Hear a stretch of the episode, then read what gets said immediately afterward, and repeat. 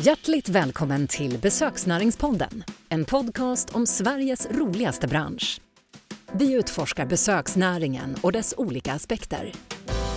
Här möter vi entreprenörer, profiler och branschledare för att få deras personliga insikter om aktuella trender, utmaningar och möjligheter inom besöksnäringen.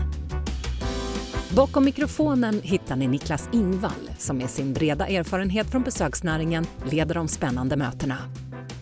Luta dig skönt tillbaka, för nu kör vi! Då säger jag hjärtligt välkommen till Besöksnäringspodden till Magdalena Höglund. Tackar, tackar Niklas. Det var roligt. Ja, kul att du kunde komma och vara med på ett avsnitt här. Vi sitter idag på fina Nordic Light Hotel på Vasagatan i deras eh, fina konferensanläggning. Eh, och eh, vi ska ha ett samtal här idag om mötesköparen. Mycket av samtalen eh, som vi haft i besöksnäringspodden har handlat mycket om de som levererar upplevelser, levererar hotell och konferensupplevelser. Men idag ska vi ha ett litet annat perspektiv och det blir mer ur köparens perspektiv.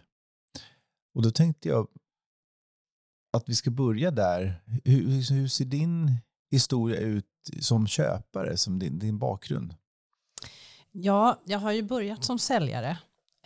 Um, och utifrån det i, jag vågar inte säga hur många år, men uh, eh, 20 års erfarenhet säger vi. Mm. 20 Fast det är väl din styrka? Tänker det är en styrka. Eller hur? Man kan landa ska i den erfarenheten. Över? Ja, men det ska jag göra. Ja. Men jag har jobbat både med vanliga hotellavtal och uh, mötesavtal och eh, även i, också i, i, olika perioder jobbat eh, med att få svenska kunder att eh, lägga sina konferenser utomlands som en mellanhand, både som anställd och egen då. Så att eh, jag har ju fått behovsanalysen klar för mig och vet hur kund, det här, kunddialogen är. Ehm, och nu hjälper jag ju då mina kunder på, ja inte heltid, men nästan med att eh, vara en expert och en vägledare. Just det. Skulle jag säga. Och du har bildat ett, ett nätverk kan man säga och en hemsida eh, som heter She Meets Event. Ja. Eh, Var det rätt uttalat?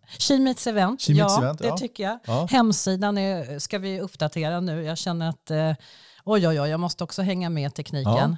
Men jag, tycker den, alltså jag var ja. inne på den senast igår inför det här mötet och jag tycker ändå att man får en bra uppfattning om vad ni erbjuder och vad det är ni levererar. tycker jag absolut. Så att, men sen kan man alltid uppdatera saker, absolut. Ja, det låter ju bra. Ja. Eh, saken är den att jag har varit väldigt blyg med vad är det för tjänster jag erbjuder förutom nätverket.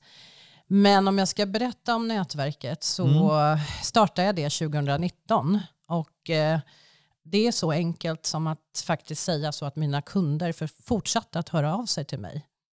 Och hej, och jag undrar, vi ska åka till Örebro nu och vet du något ställe vi kan vara på? Vi är 60 personer i tre dagar och det är en UGL-utbildning.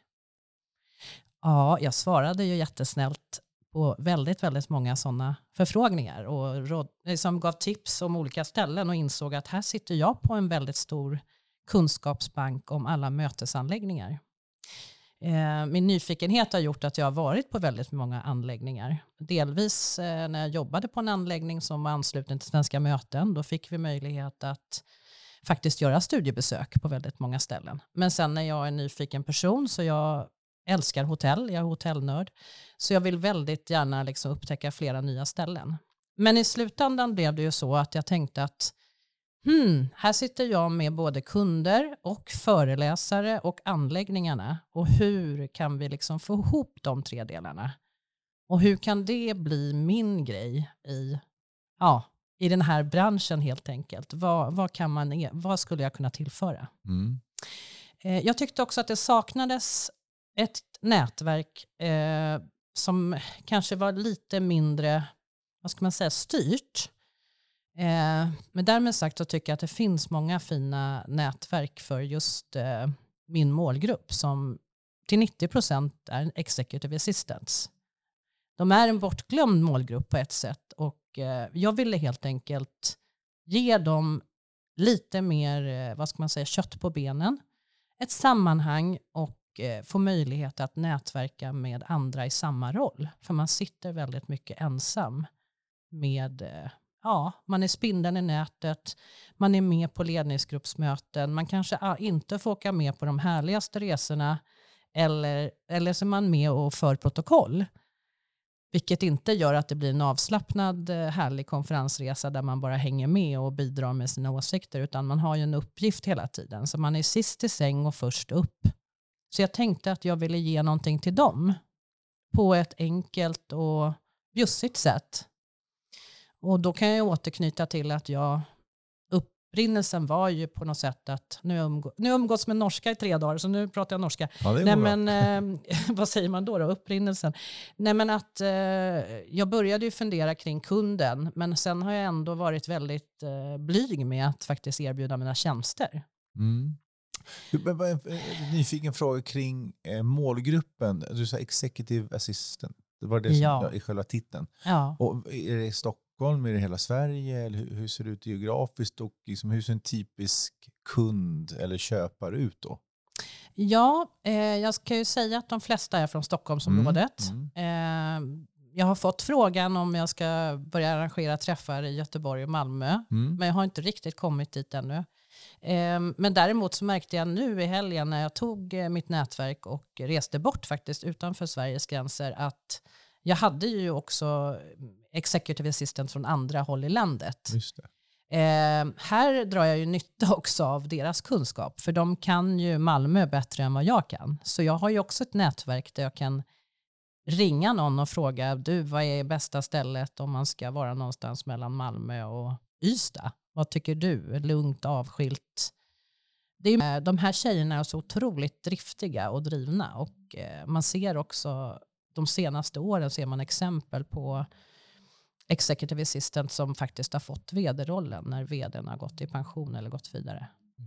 Och det är häftigt tycker jag. Mm. Eh, men min eh, tanke och min, alltså hur det har utvecklats så har vi gått från 300 till 1200 eh, på de här åren. Under pandemin så... Så du, har, du har 1200 i ditt nätverk nu? Ja, 1274 när jag kollade senast. och då hade det slinkit in en kille, men jag ringde honom och pratade med honom istället och eh, sa att han får gärna gästa oss vid något enstaka tillfälle. Ja. Um, och um, han, han var bara så lite nyfiken okay. uh, på nätverket. Hade ja. inte riktigt fattat namnet då. Men det är ju helt okej. Okay. Alltså jag tar det som en komplimang också. Men från eh, typ en 300 på bas, eh, basgrunden ehm, eh, till 1274. Under pandemin försökte jag köra online och då gjorde jag faktiskt mest... Eh, alltså jag har för, alltså under åren har, har det ju utvecklats både hur jag tänker att alltså jag har ju upptäckt hur ska jag göra det här, alltså vad är det som funkar för den här målgruppen, vilka dagar i veckan och vi ses ju en gång i månaden. Eh, ja, det, berätta ja. lite hur ser upplägget ut för, för nätverket, förutom att, eh, att ni ses, men vad, vad det finns för övriga liksom, delar i, i det här nätverket som du, som du gör? Ja, eh, vi ses oftast måndag eller tisdag på en härlig anläggning. Och min ambition Så det är anläggningsbesök som ni lägger Ja, mm. och då försöker jag eh, verkligen visa upp pärlor som, de här är ju rutinerade oftast, de är mellan 40 och 55 år skulle jag säga de flesta. Och de har jobbat ganska länge som executive assistants. Eh, de har koll på många konferensanläggningar och mötesplatser. Men då blir det också en, eh, en utmaning för mig att hitta anläggningar som kanske de inte har hittat ännu. Så hela upplägget blir att man får komma dit. Vi har ett en nätverksaktivitet med lite mat och dryck och sen så har vi en föreläsare på ungefär 40 minuter. Av varje tillfälle? Vid varje tillfälle. Och ibland har vi lagt till en inspiratör på 20 minuter. Eh, och sen avslutas det med en kvart, 20 minuter där man kan stanna kvar, eh, fortsätta mingla och nätverka. Eh, så det är väldigt, eh, för mig skulle jag säga, det blir ju en, att upptäcka nya samarbetspartner för olika saker. Mina kunder hittar nya favoritställen, vilket jag stärker ja, min expertis. Vi pratade här innan, gud vad kallar jag mig för? Um, det finns liksom inte så mycket, jag vet inte, det finns många namn. Ja, mötesexpert föreslog jag, du, ja. du köpte du ändå. Så ja, jag köpte det. Vi, vi mötesexpert får vi säga efter så många år. Ja. Um, men att jag kan tillföra någonting nytt, både kunskapsmässigt och, um, och att man får se en ny anläggning. Så passar inte den anläggningen alla, så är det ju. Men att också, nu ska jag komma till någonting annat. Vi håller inte på med bara yoga och uh, stylingtips och, och liksom Men jag har märkt att för att komma på träffarna så behövs det appelleras också till privatpersoner lite grann. Just det. För du tar ändå lite tid av din ja, familj eller jobb. Det här är en balansgång som jag jobbade med jättemycket i början. Jag försökte lägga frukostseminarium och jag kände att då hade man inte riktigt så här, när tisdag morgon då kanske, eller måndag morgon, det, det är inte så lätt att vara borta från jobbet då. Så då märkte jag att jag måste verkligen hålla det här professionella väldigt högt för att det ska också bli lätt för medlemmen att säga måndag klockan nio så är jag på seminarium. Just det. Det är inte bara en nätverksträff. Nej, det är mer, utan liksom, det är mer. mer konkret, någonting Ja. att bygga upp hänga upp det på. Men en mix av att eh, faktiskt tilltala både rollen man har, det professionella, och att man känner sig välkommen och det är väldigt avslappnade Och former. hur ser din affärsmodell ut? Betalar de här besökarna eller dina nätverksmedlemmar, betalar de för det här eller är det anläggningar som betalar eller hur ser det ut? Ehm, deltagaren betalar ingenting. Nej? Eh, anläggningen, jag och föreläsaren gör en deal. Eh, ibland har vi buss inblandat. I helgen hade vi flyg inblandat. Eh, men det är alltid ett samarbete med tre parter. Sen är det klart att det finns saker jag ibland betalar för. Jag säger inte, jag, går väldigt, jag är väldigt ärlig med att säga att det här är ett samarbete som vi gör tillsammans. Eh, och det är klart att det blir lättare när anläggningarna började ringa mig för några år sedan. Det var inte jag som få, ringde. De ville få dit dig och ditt nätverk helt enkelt. Ja, och då Såklart. finns det ju några som säger att det kan ju du ta betalt för. Men både du och jag Niklas vet ju att ta betalt av en anläggning, ah, jag vet inte. Jag känner mig mera, jag vill bjussa på detta. Mm. Eh, sen får vi se vad som händer i framtiden. Just Men det. särskiljer mitt nätverk mot andra nätverk att jag tar inte betalt i dagsläget. Mm. Utan det är en helt, eh, ja, helt kostnadsfri eh, sak att vara medlem hos mig. Eh, och jag ser det nog att kunskapsutbytet jag får eh, och att jag får faktiskt fortsätta att arrangera möten och events. Eh, det kan vara så simpelt som ett middagsarrangemang, men då har jag tänkt jag att men gud, jag har inte koll på restaurangerna. Men jag tror faktiskt att jag har det. Mm. Eh, jag vet vilka som har chambre séparé och vad som är...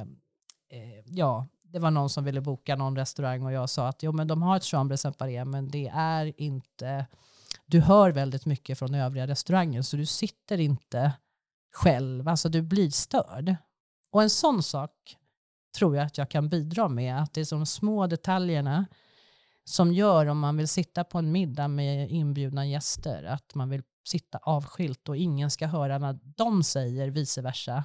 Det är en liten viktig detalj. Mm. Så att, ja, jag förstår ju att jag har koll på många restauranger fast jag inte själv är ute. Jag är absolut inte ute och äter middag varje kväll. jag Varför trivs inte? bäst hemma. Ja, det är bra. Ja. Jag tänker, om man då som mötesanläggning, en konferensanläggning eller ett hotell med konferensfaciliteter inne i stan etc. Om man då vill komma i kontakt med dig och få dit ditt nätverk, hur hur gör man då och vad ska man tänka på som mötesanläggning när ni kommer? Vad är viktigt? Jo, eh, det är otroligt viktigt att det finns en representant från anläggningen som är med eh, hela kvällen helst. Mm. Eller vi, vi träffas ju två och en halv timme så att det, man är ju tillbaka till eh, Solsidan börjar klockan åtta. Så att det är inte så, så långa kvällar. Men att det finns en representant på som är med som kan både visa runt och svara på frågor. Därför att deltagarna är genuint intresserade. Jag märker att de har ett stort huvudbry med att de ska hitta anläggningar hela tiden. Eh, och att gruppen kanske vill ha något nytt. Vissa vill gå tillbaka till samma där de alltid har varit, men de är intresserade av anläggningen. Så det är nummer ett. Och nummer två, eh, det kommer också, jag har pratat lite grann om framtidens mötesköpare och då märker jag att eh, på något vis när vi pratar om hållbarhet och eh, sånt som är nu väldigt högaktuellt eh, på så många sätt så räcker det inte med att säga att man är svanenmärkt eller man har någon annan certifiering utan man vill se på plats. Konkret? Hur, ja, Mm. vi sorterar soporna och det, man ser liksom sopkorgarna. Man ska se allting, man ska få berättat för sig hur kretsloppet är och vi odlar vår egen basilika. Eh, kockarna berättar om vad de ska servera. Det är ju inte, absolut inte alltid vi sitter på en trerättersmiddag som vi gjorde nu i fredags. Men vi kanske äter en, några enkla snittar eller en wrap eller så. Men om någon som kan det där med mat bättre än, än jag eller vi som är där, så är det jättetrevligt att de berättar om deras matfilosofi när vi äter. Och jag tror att det här genuina i den här digitala världen så blir det här mötet och eh, mötet och trovärdigheten i det mm. otroligt viktigt. Så jag skulle säga att det, det är först och främst eh, de delarna. Sen tackar inte jag ja till alla anläggningar. Och det är utifrån min målgrupp och vad som passar. Sen kanske en anläggning som jag har sagt nej till nu i höst passar jättebra till våren därför att de har fantastiska möjligheter utomhus eller vi skulle kunna faktiskt addera att ta en kajaktur någonstans bara för att vi ville göra någonting extra den gången. Så att, får du mycket förfrågningar? Ja men det får jag och det är klart att eh, nu har jag ju jag säger inte att jag bara bokar Lenis gruppsmöten, för det gör jag inte. Jag bokar allt upp till jag vet inte, 750 tror jag är mitt, högst, mitt största antal. Eh, men det blir en annan grej. Då blir jag oftast anlitad att vara med under alla dagar och faktiskt eh, nästan stå och pricka av. Men nu har man ju system för det också som är jätteskönt. Men jag får liksom bara lite den som roddar och ser till att tekniken har kommit och det går igång allting och vi skulle ha en gäst. Då får jag ta emot gästen. Kommer taxi och, och så vidare. Så att mina uppdrag kan ju se olika ut. Men nu tappade jag din fråga. Var det ingen fara. Nej. Men jag tänker också, är det alltid så att de här, de här 12, 1274 personerna, går de alltid via dig eller kan de också gå direkt till anläggningen med sina förfrågningar och sina bokningar? Är det, all, oftast via dig? Eh, nej men det är både och. Mm. Eh, och det här har varit väldigt olika. Hur, eh, det är klart jag får en provision jag vill inte vara en mötesbokare i liksom uttalat så att det är bara det jag lever av eftersom jag har rådgivning kring andra saker och eh, är bollplank och gör mycket annat också. Jag har ju nu eh, också i ett och ett halvt år jobbat för Urban Deli och eh, jag har ju tid som jag måste lägga där. Och min själ och hjärta. Jag tycker inte att de liksom, det är inget som eh, konkurrerar med varandra egentligen. Utan mitt nätverk tillför också Eh, till de anställningarna eller uppdrag jag har på, för olika företag i besöksnäringen. Men ehm, eh, vad skulle jag svara på frågan nu? Det är det här, jag är väldigt, jag vill berätta jättemycket ja. nu och jag förstår att det, vad var din fråga?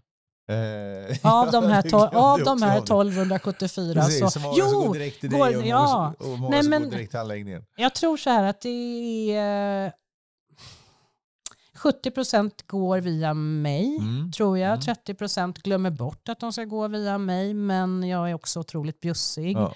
Och jag har inga krav då på att en anläggning som samarbetar med mig får också dessutom faktiskt komma på kommande träffar framöver ett par gånger för att också fortsätta nätverkandet.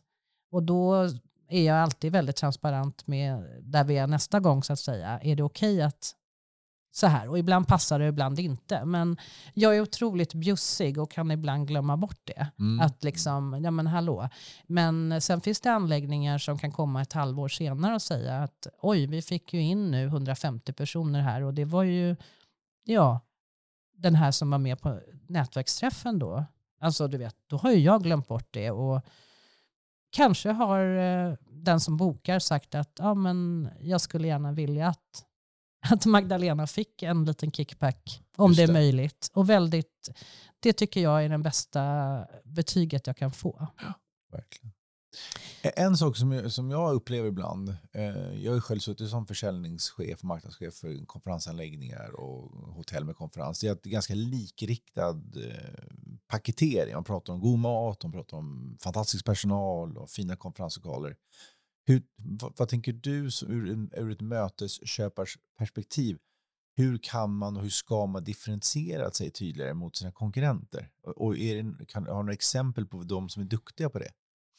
Ja, men absolut. Eh, det finns några anläggningar som sticker ut när det gäller tekniken. Mm. Så det, det, är en faktor? Det är en faktor. Mm. Och jag blir lite ledsen för, faktiskt ibland eh, när man bara rent generellt säger att vi har den senaste tekniken. Mm. Och sen, vad är det då?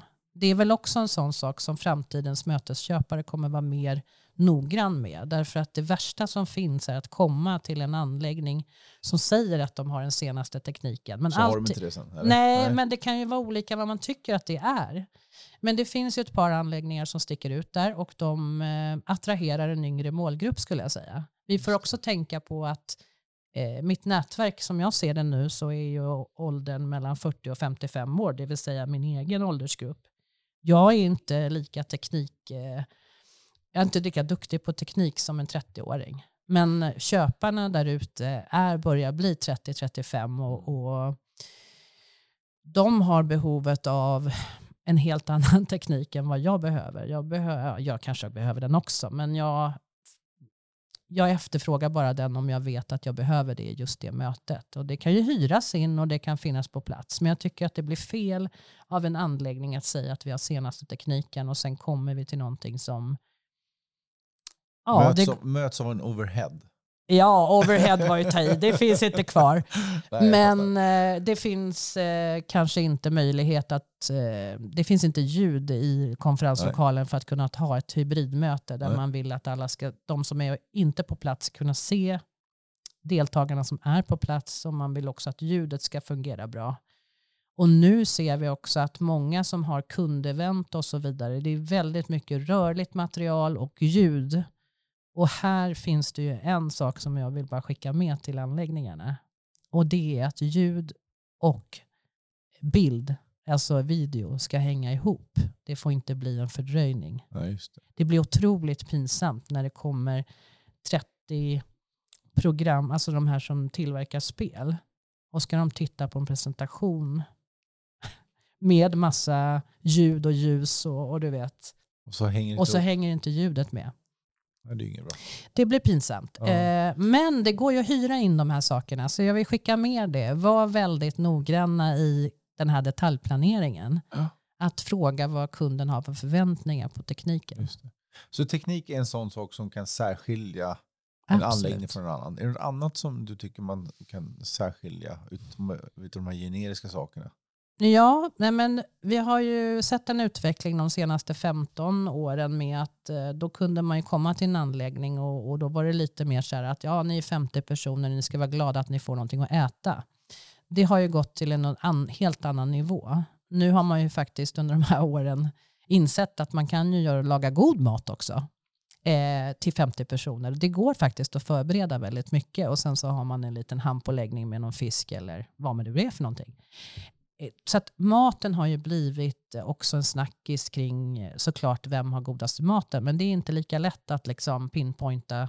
Nej, hör, det, det, det finns Ja, överallt. Ja, att man det. får en god matupplevelse. Sen finns det några som sticker ut även där. Mm. Men jag skulle nog säga, jag har eh, jobbat några år också med gäst och kundupplevelsen och hjälpt företag i den, eh, liksom, just den delen, att få det att sitta. Och där tror jag att eh, det här värdskapet och servicen och den upplevelsen man får på plats, den sitter ju, den är ju svårt att köpa sig till liksom med teknik och annat. Och, utan du måste ju utbilda din personal. Mm. Eh, idag ser vi, nu har jag jobbat med rekrytering i ett och ett halvt år väldigt intensivt eftersom vi har ju saknat eh, arbetskraft eller liksom Kompetens i kompetensen i Mm. branschen Mm. har lite försvunnit för att man valde andra yrkesroller under pandemin såklart. Och då kom man inte tillbaka för man insåg att det kanske är lite sämre arbetstider att jobba i restaurang eller ja, vad vet jag. Men vi har tappat eh, mm, lite kompetens där, eller mycket kompetens. Och nu jobbar ju Visita och alla med att verkligen stärka upp. Och det är jag jätteglad för att man har verkligen tagit tag i det. Men att få en härlig upplevelse på plats när det kommer till just bemötandet, hur man tänker kring en krishantering. Mm. Ehm, det gör väldigt, väldigt mycket och den delen har man ung personal eller väldigt gammal, alltså båda delar. Några kan vara fast i gamla rutiner och säga att ja, ja, nu kommer du här och det blir bara jobbigt för mig. Att få den känslan som gäst, då vill man inte åka tillbaka. Och delvis är det om man är ung och hungrig och glad och jättepepp och sådär så kan det ju bli väldigt fel också. Faktiskt. Det kan mm, kanske bli för mm. mycket fast du har inte kunskapen. Så, så vad, vad, krävs det liksom för utbildning och för kompetenser tycker du då för att möta om vi säger dagens men också framtidens mötesköpare? Liksom, vad, vad, är, vad är anläggningen måste tänka på när det gäller sin personal? Ja, men jag tror att eh, många har kommit väldigt långt där också men att man eh, faktiskt ger sina medarbetare på något sätt mandatet och ansvaret till sig själv att få vara sig själv på plats. Mm. Alltså man får ju bygga väldigt mycket kring värderingar och kultur på arbetsplatsen. Mm. Eh, men sen också ge verktygen till vad kanske en konferensdeltagare, vad finns det för någonting vi kan liksom sälja mer till den som gör att den blir faktiskt mer nöjd. Eh, det kan ju vara att det är jättetråkiga rum och så vidare. Eh, men vi ska ju, de ska ju bara sova. Men det kanske är så enkelt att få ett litet välkomstkit på rummet. Det kan förhöja en, eh, jag vet inte, ett 90-talsbadrum väldigt mycket. Att du får en litet badrumskit med någonting härligt och att du har tänkt ut faktiskt att det var en man eller kvinna som skulle bo i rummet och ha en morgonrock. Alltså någon blomma. Eh, det, ja, det är faktiskt de små detaljerna som gör det. Och tillsammans med värdskapet, att man som gäst blir sedd. Det kan ju vara att tvn inte fungerar och du kanske inte behöver tvn. Men någonstans så kan du inte få ett nytt rum så då måste man ändå lyssna. Så här, Åh, vad jag förstår och tråkigt och sådär. Men Chromecasten funkar och man kan i alla fall engagera sig i att gå med till rummet och försöka få det att fungera. Och funkar den inte så kanske man kan bjuda på, ja, nu får man inte bjuda på ett glas vin, men man kanske kan få en någonting lite gott på kvällen. Ja. Mm. Mm. Så teknik, maten, personal, något mer så som, som man som anmötsanläggning ska tänka på? Eh, ja, men jag tror nog att vi har ju pratat om hållbarhet redan nu, Just eller det. nämnt det. Mm. Och det måste synas. Det är inte bara en, eh, en symbol på väggen när du går in innanför dörren eller ett litet plakat i receptionen. Utan det ska synas att eh, anläggningen jobbar med hållbarhet. Och jag tror när vi pratar hållbarhet nu också så handlar det ju om medarbetaren. Så på något sätt så genomsyrar det allting. Att det inte bara är någonting som vi pratar om. Vi har pratat om employer branding och nu måste vi börja attrahera medarbetare. Och jag tror att det, det, finns några anläggningar som har knäckt koden lite. Mm. De satsar otroligt mycket på sina medarbetare och det känns när man kommer dit. Mm, mm. Det är inte bara pengar, men i viss mån så kanske det kan vara en liten slant extra för att man jobbar kvällar, helger, söndagar kliver upp klockan fyra. Jag bara spekulerar, men mm. Eh, vi måste göra någonting i den här branschen också för att attrahera de som är duktiga och som vill ge mm. service. Mm. Men jag tror att på plats handlar det väldigt mycket om arbetsgivaren, ledaren, som också måste förmedla ut till, alltså på riktigt få med sig medarbetaren. Mm. En medarbetare som är stolt över sin anläggning eller sin arbetsplats kommer också att er, liksom erbjuda mer till gästen. Gästen är idag både på ett företag när de inte betalar själva.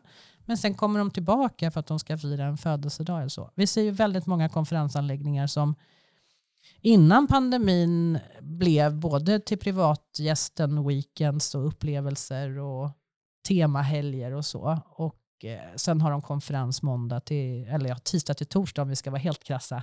Eh, men att de som inte var där, de blev, de blev tvungna under pandemin öppna upp sina spa och restauranger och allt vad det var för privatgästen.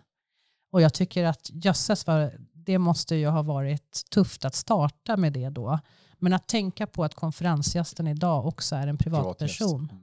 Och ta, dra nytta av det. Och vice versa tänker jag också. Ja, absolut. Mm. Att när det kommer privatgäster så, ja, jag tycker faktiskt att eh, ja, man kanske inte tycker att någon som checkar in på lördag eftermiddag att man ska fråga vart den jobbar. Men varför inte? Du visar intresse för någon. Så här, men hur gör ni på jobbet då? Konfererar ni? Och du kan få jättemycket leads av att mm. ställa en fråga. Mm. Ja men gud, det här skulle ju passa perfekt. Och så här, nej men kontakta Anders mm. på min avdelning. Alltså du... Ja. ja, ja som man frågar får man svar. Ja, tror det. Upptäck din partner för rekrytering i besöksnäringen. Growizit är specialiserade experter och har erfarenhet från alla roller inom branschen och rekryterar både ledande, administrativa, säljande och operativa tjänster. Rekrytering, executive search och interimslösningar kan Growizit på sina fem fingrar. Välkommen till Growizit. Vi rekryterar för besöksnäringen liten nyfiken fråga jag hade här var ju hur själva säljprocessen ser ut. N när du då som eh, har, har, kanske en kund eller en, ett företag som kontaktar dig och som vill ha ett, ett visst upplägg mm. och sen kontaktar du anläggningar i sin tur. Mm. Hur skiljer sig liksom säljprocessen? Finns det goda exempel? Finns det mindre goda exempel? Eller hur, hur generellt duktig är branschen på att, på att ta hand om förfrågningar och liksom leverera en bra offert om en bra upplevelse även där, mm. tänker jag. Hur, hur, vad tänker du kring det? Eh, ja, det finns en stor skiljepunkt. Yes. Och den är ju faktiskt att man, om jag får ett samtal efter jag har skickat en förfrågan, så blir ju från anläggningen. Alltså först de skickar en offert? Jag skickar, ja, jag skickar, nej, men jag skickar en förfrågan. Yes. Eller vi säger så här, kunden hör av sig till mejl. Jag ja. har ju inte varit så... Det kan komma alla möjliga kanaler. Jag har en LinkedIn-grupp bara för de här mötesbokarna. Där kan de skriva och fråga efter råd om vad ska jag hitta på och nu ska vi åka till Helsingfors. Och, ja. Så då kan det ju vara en annan i gruppen som svarar. Men jag nappar alltid på och skriver ett privat meddelande men jag kan hjälpa dig med bokning och rådgivning kring vad som passar. Men steg två är ju att jag, jag gör behovsanalysen med kunden. Eh, och sen så föreslår jag, alltså jag tar fram tre, fyra förslag. Ibland blir det tio men jag kan säga att när jag skickat förfrågan så finns det ju en, eh, det finns en vägdelare här. Det Spännande. Ja. Cliffhanger här. Ja, kör du ja, musik? Ja, ska jag ha sån? Det är din ja. trumvirvel. Ja, trumvirvel. Nu kommer den. Det här är så basic i sälj, eh, när man jobbar ja, med sälj. Ja. Men, det vet, inte, vet du. men alla gör det inte? Nej. Nej. Vad är det de inte gör? Vad är det de inte gör? Jo, några gör det. Nu tar vi positiva. Ja. De som ringer upp mig och säger Hej Magdalena, gud vilken trevlig förfrågan. Jag undrar, jag kanske har glömt att skriva vem kunden är eller vilken bransch mm. den verkar i eller och så vidare. Och så vidare. Då kanske den, de ringer och frågar, har de varit hos oss förut? Vet de hur vår konferenslokal Liljekonvaljen ser ut? För mig är ju det att visa ett, visa väldigt stort intresse för mm. att få affären. Och genuint vilja göra det bra. Och börja bygga relationen tänker jag. Med ja, köparen, med men diskutera med mig om säga att vår största lokal är upptagen och nu skulle vi kunna ta den här lokalen. Tror du att det går? Mm. Mm. Det öppnar ju upp också för mig att få faktiskt möjligheten att göra mitt bästa för kunden. Så att mm. jag tycker att anläggningarna hjälper mig i det här fallet med att ta det här samtalet. Jag kan ju tycka ibland att oj, oj, oj, nu måste jag nog eh, vänta med att skicka de här förfrågningarna för jag sitter i möten i två timmar.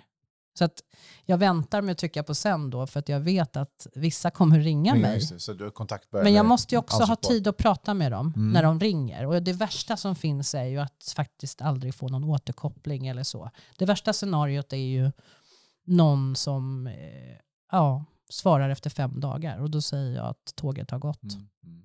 Så, snabb, Men, så snabbhet, att ringa upp mm. och mer liksom bolla och mer ställa, ställa följdfrågor på den, den förfrågan som du skickat ja, in. Så det är visa viktigt. intresse ja, för då får vi upp en diskussion. Yes. Och jag tror att eh, jag intervjuade en av mina kunder för, för två veckor sedan just med tanke på att vara med i podden. Jag har lätt att glömma bort vad är det jag gör vad är det jag gör som är bra? Eller jag vill ju få reda på om det var någonting som jag kunde förbättra också. Men jag tänkte det här var ett ypperligt tillfälle. Jag tycker om när det finns ett, det finns ett eh, vad ska man säga, varför ska jag göra mm, det här nu? Mm. Men då gör jag det nu. Och jag tänkte det var ju dags att faktiskt också visa lite mer intresse för den här kunden som ger mig mycket alltså uppdrag och, och kan göra att jag kan leva på det jag gör. Men också att jag får veta faktiskt vad är det egentligen som eh, ja det är hon nu i det här fallet, vad hon behöver och så vidare. Så jag fick ju ta en timme av hennes tid. Och vi pratade ihop oss då och då fick jag ju veta att eh, dels att mina nätverksträffar var otroligt bjussiga. Inte att det var lyxigt och så, det var inte det. Man kände sig välkommen. Jag ställde inte så mycket krav. Hon tyckte att jag var väldigt duktig på att varje person, vi är ungefär 20-24 stycken varje, eh, känner sig väldigt sedd av mig.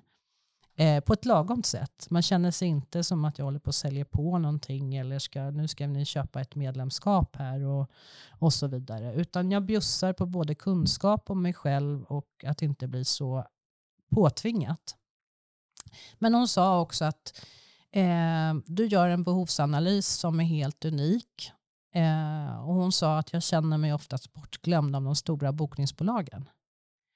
Sen har ju jag, det får jag erkänna, att jag har inget eh, ja, men sånt där system, get accept och så vidare och så vidare som jag tillhandahåller själv. Det är ju någonting som jag får tänka på när det gäller teknik. Hur ska jag utveckla mitt, mitt eh, koncept? Så. Men hon sa att det, det är inte det som är viktigt för mig. Därför att om jag inte ska åka med på den här konferensen heller så är det så otroligt viktigt att det blir bra. Mm. Eh, Såklart. Och då litar jag på dig därför att du ställer många frågor, rätt frågor. Du har också börjat känna mig, du vet vad vi har varit och så vidare. Mm. Och det är klart, så kan jag inte ha det med alla kunder. Men jag måste ställa... Fast då tänker jag också att det är väldigt viktigt då i nästa steg, för om du gör den här behovsanalysen och tar verkligen reda på kundens behov, så måste du få samma respons hos den anläggning som du sen vänder dig till. Absolut. Ja. Och då, vad fortsätter med säljprocessen där, för då du, de ringer upp, i den bästa av världar då så att säga, så ringer de upp dig, ni får en bra dialog och utifrån det så återkommer de då med en offert tänker jag. Mm. Mm. Just, och, och liksom den perfekta eller den, den bra processen, hur ser den ut framåt från det stadiet tycker du? Och, och vad, vad skiljer sig från olika anläggningar? Mm, och du tänker inte på själva offerten, hur den ser ut? Jo, jo absolut. det gör det. Okay. Hur presterar Nej, men, den? Eh, hur följer man upp den? Liksom, vad händer i nästa steg? Liksom? Mm. Och det här kan faktiskt, eh, när man pratar om själva offerten så kan jag tycka att de här eh, ja, men offerthanteringssystemen Get är, ja, precis, de är ju mm. super, super bra därför att du får bilder, du kan lägga in flera alternativ, du får en totalsumma ganska smidigt. Och det är så mycket som som är, som är värt mycket i den här processen mm. för att det blir enkelt och överskådligt och så. Nu skriver jag om alla, alla förslag och så därför att jag lägger till en personlig kommentar om jag har varit på anläggningen och hur långt det är att åka mm. dit och så vidare. Du paketerar om det kan man säga? Jag paketerar om det lite därför att jag vill att det ska synas att det kommer från mig också. Mm. mm. Eh, så, men däremot så kan det väl vara så att man många gånger glömmer transporten. Den är nästan där ja, jag skulle säga 70 procent av alla gångerna. Att, eh, det är klart, är det en ledningsgrupp, nu talar jag emot mig själv att jag har mesta ledningsgruppen, men det har jag inte. Men är det, är det fler än 20 personer så vill man oftast boka en transport. Och det där är också klurigt, men det kunde man skriva med i offerten. Så att jag har helt enkelt fått tagit ett eget initiativ mm. där och eh, skrivit ett avtal med eh, ja, den bussleverantören i det här fallet som jag tycker är bäst eh, faktiskt. Mm. Så att jag kan erbjuda det och inte behöver fundera på vad det kostar och hur ska jag prissätta och ska det ta tid också. Men det tycker jag att anläggningen skulle kunna addera. addera mm. att så här tar ni det hit, antingen så finns det parkering och där har vi plats för ungefär 100 bilar. Eh, bussen stannar utanför och det är buss 202. Eller så, och så skriver man vi kan också arrangera bussturen. Buss. Ja, så det, det, skulle jag säga är väldigt bra att utveckla för mm. anläggningen mm. och det hjälper mig jättemycket. Ibland kan det också vara så att eh, man vill bara ha ett snabbt svar på mail. Det kan vara, eh, jag fick en fråga nu när jag var i Antibes och då skulle jag helt plötsligt till Oslo. och jag har bott i Oslo men det är ju också länge sedan nu. Eh, så jag har inte koll på anläggningarna. Men där har jag ett knep och det är återigen att jag tar kontakt med någon som jag känner i den trakten som verkligen har... Eh, Så du, tar, du utnyttjar ditt nätverk där helt enkelt? Ja, ja, men i det här fallet så var det väldigt tajta puckar. Liksom. Det är två veckor till genomförande och inte jättestor grupp men inte jätteliten heller. Och då vill kunderna svar direkt och jag är, ja, jag är inte ens i Sverige och det är helg och jag ska prata med norrmän. Och där kan man ju säga att det har ju skett mycket i Norge också. med service och snabbhet och så vidare. Men det var inte länge sedan som det kunde gå en vecka och du fick något svar. Oj då. Ja. Och då får man ju ringa och så. Köta på dem. Ja, vill ni att någon ska komma eller har ni fullt eller hur ska vi tolka? Ja, nu stängt. Nej då, men de har blivit bättre de mm, också. Jag mm. bodde i Norge och där tror jag att jag faktiskt, det här fröet med service och merförsäljning, där fick jag liksom som 24-åring riktigt liksom blodad tand på det. För att jag kom dit och skulle då vara butikschef för en butik och den var nyöppnad och låg på en jättefin gata i Oslo. Men då stängde butikerna fem och jag upplevde att alla mina kunder var ju så stressade vid kvart i fem och jag förstod inte varför. Och då sa de, nej, nej, men du stänger ju nu klockan fem. Och jag sa det, men jag stannar kvar tills du har handlat färdigt. Men de trodde inte på mig. Alltså de utkastade klockan fem trodde de? Ja, ja. så att jag, efter en vecka så hade jag öppet till klockan 18 och då fick jag hela företagarföreningen på mig och sa att jag hade förstört livet för dem. Och då sa jag att jag vill sälja, i det här fallet kläder. Egentligen vad du än säljer så handlar det om att du måste vara snabb på bollen. Du måste kunna ge rätt erbjudande till just den kunden vad de efterfrågar just då. Och du måste ju göra det med värme och omtanke. Jag säljer ju inte på en busstransport till någon som inte vill ha det. Det går ju inte. Men om jag erbjuder det så kan ju faktiskt kunden bara tacka nej och säga att den här gången åker vi egna bilar. Sen kan jag säga att ja men gud CO2 och du vet de har gas, de går på gas de här, du vet och nu tar vi från A till B och ni kan börja konferensen på bussen. Mm. Kunden blir väldigt eh, glad att jag är omtänksam. Och tänker ett steg extra där. Ja. Om man går tillbaka till säljprocessen, eh, när du får de offerterna, från respektive anläggning och sen mm. paketerar du om dem lite så att säga och sen presenterar du dem för din slutkund. Vad är det för saker där tror du som gör att de väljer en viss anläggning? Kan du se något mönster i det eller är det väldigt olika? Det är väldigt olika för vilket tillfälle det är. Mm. Och det kan ändras också väldigt fort. Jag hade någon här i augusti som absolut skulle vara ute i skärgården men vi slutade ju ute på landet mitt i skogen. Okay, ja. Men då var det något annat som styrde i slutändan. Men målbilden var ju från början hav och vatten och vi ska åka båt och vi ska göra det och sådär.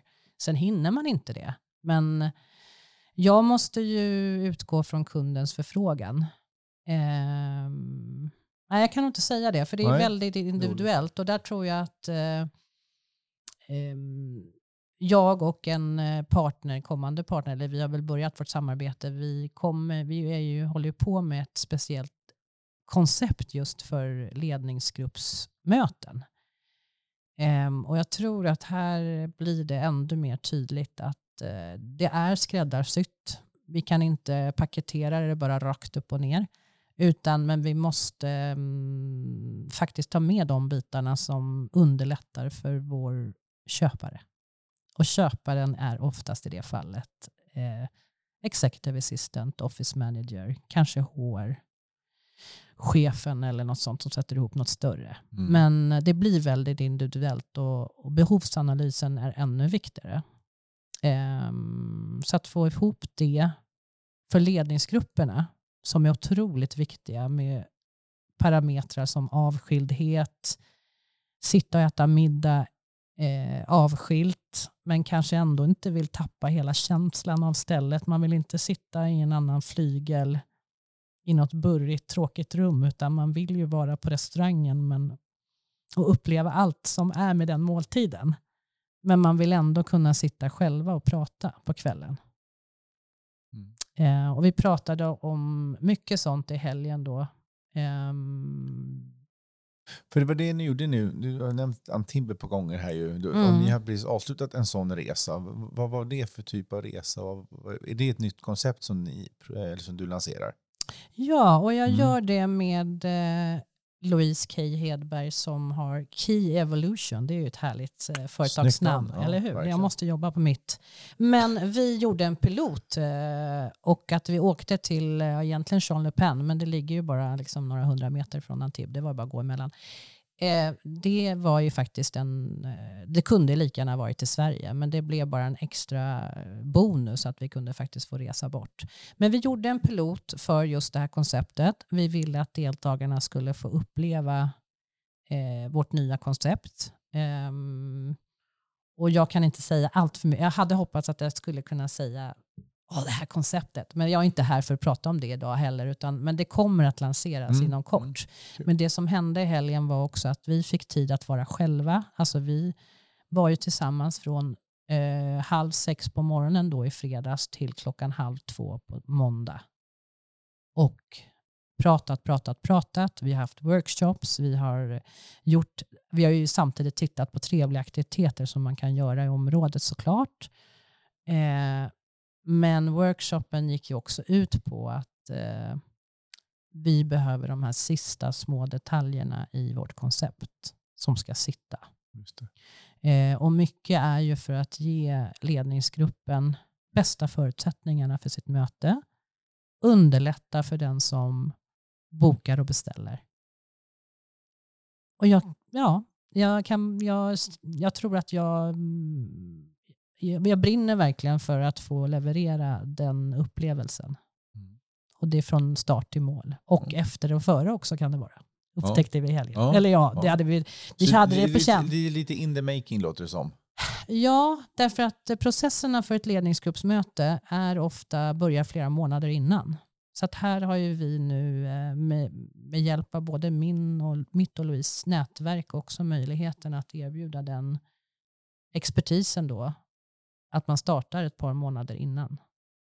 Men då kan jag också skicka med om det är någon mötesköpare där ute som, som lyssnar att eh, kontakta oss gärna liksom i god tid eller vem du nu än vill anlita för ditt möte. För att får man två veckor på sig, vi löser ju det också, men du, får ju en, du får, har ju ännu större chans att få det du, det du vill ha om du börja lite tidigare. Och du kan ju börja ett förarbete hemma på kontoret. Mm. Mm. Vi börjar närma oss slutet på det här samtalet. Eh, en fråga som jag inte har ställt som jag funderar på det är det här med digitalisering och hur det påverkar mötesbranschen och kontakten mellan anläggning och köpare. Mm. Tror du att liksom, den roll som du har, kommer den bli mindre viktig då? Eller hur tänker du kring det? Ja, när jag började 2019 och insåg att jag ska vara min egen och jag ska liksom förhoppningsvis kunna leva både på det här och jag är konsult också i olika delar som jag kan erbjuda företag i besöksnäringen. Men att jag skulle nog säga att eh, det är klart att jag ser jag tror det är bra att bli lite rädd och bli lite så här, whoops, det här måste vi tänka på. Um, jag har ju tänkt att väldigt mycket handlar om människor när vi möts och när vi pratar med varandra och behovsanalysen och så vidare. Men jag inser ju att eh, precis lika, vad ska man säga, vi tar för givet nu att vi behöver inte prata med vår frisör när vi ska boka en tid, utan vi bokar ju det på nätet. Det är klart att det finns inte på kartan att jag ska ringa och störa min frisör och fråga om han har tid på fredag klockan 13, utan jag kollar ju i ja, boka direkt eller vad det är. Men det här kommer ju även i mötesbranschen och det finns redan idag. Eh, det jag kan se och det jag hör och det jag förstår är att mindre möten som är bara över dagen skulle man, kan man tänka sig att boka via direkt liksom på hemsidan. Men det finns alltid en liten fråga. Så här, ja, kommer vi få lunchen 11.30 eller Ja, men det är någon liten grej där som inte riktigt har lirat. Och eh, när jag var på något seminarium för två, tre år sedan så, så sa man just det att mötesbranschen är liksom lika dålig som sophanteringen på, på digitalisering. Men med därmed sagt så har det hänt mycket där också nu och vi ser att det kommer nya system och det kommer nya verktyg och det är många som vill slå sig fram. Och det är ju många som kanske snabbare än jag och andra mötesbokare Eh, kan vara snabbare med en offert. Um, och det är jättespännande för mig att titta på. Hur ser det ut? För att det är faktiskt inte först du har dina förslag framför dig som du kan ju också börja titta. Men det är där man vill titta på. Hur ser de förslagen ut? Har de faktiskt tagit hänsyn till att en speciell lokal önskades för de här två dagarna eller och så vidare. Jag tror inte att vi är riktigt, riktigt helt, vi är ju inte helt digitaliserade på något sätt i den här branschen. Därför att det handlar om möten och eh, det är därför vi gör de här konferenserna och mötena. Vi vill träffas. Så att jag tror att den personliga touchen, eh, om man gör en bra behovsanalys och kan göra den eh, liksom automatiserad, lite mer automatiserad, så tror jag ändå att det här samtalet och eh, det borgar någonstans för att det ska bli ett, en lyckad konferens på något vis. Mm. Vi, har liksom, vi kan inte ta bort den helt och hållet. Så jag tror att vi måste jag tror att vi måste bli ännu mer personliga i det personliga mötet, om det är på telefon eller vad det nu är oftast, eller mejl. Det kan vara mejl, men jag tror att där måste vi vara ännu bättre. Mm. Vi som ska eh, vara den bollplanket och den förmedlaren på något sätt. Um, ja, mm. det tror jag. Så får vi se, men jag tittar också på verktyg som kan hjälpa mina kunder och mig mm. i någon process. Eh, innan vi avslutar, har du några så sista tips till mötesanläggningar, hur de ska attrahera kunderna och hur kommer man i kontakt med dig? Ja, det var ju många bra frågor. Ja, eh, två stycken. Två stycken. Eh, eh, om jag har några sista tips. Ja, jag kan nog, det jag kan säga utifrån min egen erfarenhet så bygger ju alla mina, de mina bästa kundrelationer bygger ju på det här nätverkandet. Eh, och, och, att få visa upp sin anläggning på något sätt eller vara med på något, någon workshop och sådär. Jag, eh, jag är nog ledsen att säga med de här stora mässorna, det är inte där, alltså du kan ju få ett tips liksom. Du ska ju ändå slåss med tio stycken sen. Eh, ja, mitt tips är att jobba med nätverk, alltså nätverkande, lite mm. mer personlig försäljning och inte slarva bort den delen. Och då får man ju jättegärna kontakta mig Dels om man vill att vi ska komma på besök, eh, jag och mitt nätverk, eller om man vill ha min hjälp som konsult. Mm. Och hittar man dig någonstans? Eh, ja, men jag tror att jag är mest aktiv på LinkedIn. Ja. Eh, Magdalena Höglund på ja, LinkedIn. Ja, men precis. Och eh, är man mötesköpare så får man gärna gå med, om man är kvinna så får man gärna vara med i min grupp på LinkedIn. Ja. Och den, Vad heter den? She Meets Den event. heter She Meets Event och eh, Ja, vi försöker skapa en röd tråd där. Med, eh, jag har bjudit in några anläggningar i den tidigare och sen fick jag känna att ja, men nu bytte du jobb så att nu, nu kan vi inte ha kvar dig i gruppen. Och det är inte personligt utan jag försöker tillgodose medlemmarnas önskemål om att kunna till exempel fråga, men gud vi ska byta resebyrå nu för våra individuella resor. Ja, vilken resebyrå rekommenderar ni? Det blir en sån diskussion som jag inte vill då att eh, någon som är börjat som säljare på SJ ska liksom kliva in i den diskussionen. Jag vill att de ska få nätverka och ge varandra tips. Eh, och Sen kan jag förmedla en kontakt när de känner sig redo. Och så. Och där tar jag ju kanske dumt nog aldrig någon... Jag tror jag förmedlar tre stycken så affärsresebyråer. Jag kan, ja, utan att liksom tänka vad är min vinning, utan jag tänker på kunden. Mm. Men det, jag, så, det gör jag så gärna. Ja. Så att man, vem man än är i besöksnäringen kan man egentligen höra av sig till mig om man bara vill bolla någonting kring detta med framtidens mötesköpare. Vad bra, det får bli slutorden. Stort, yes. stort tack ska jag säga till Magdalena Höglund, mötesexpert. Eh, stort tack för ett bra samtal och många bra tips och råd som många av våra lyssnare kommer att ta till sig. Ja, men jag hoppas det. Tack snälla för inbjudan. Ja, det var själv. inte så farligt som jag Eller trodde. Det gick jag var nervös i morse. Eh, tack. Och stort tack till er som har lyssnat och vi hörs snart igen på en kanal nära dig. Tack så mycket. Hej hej.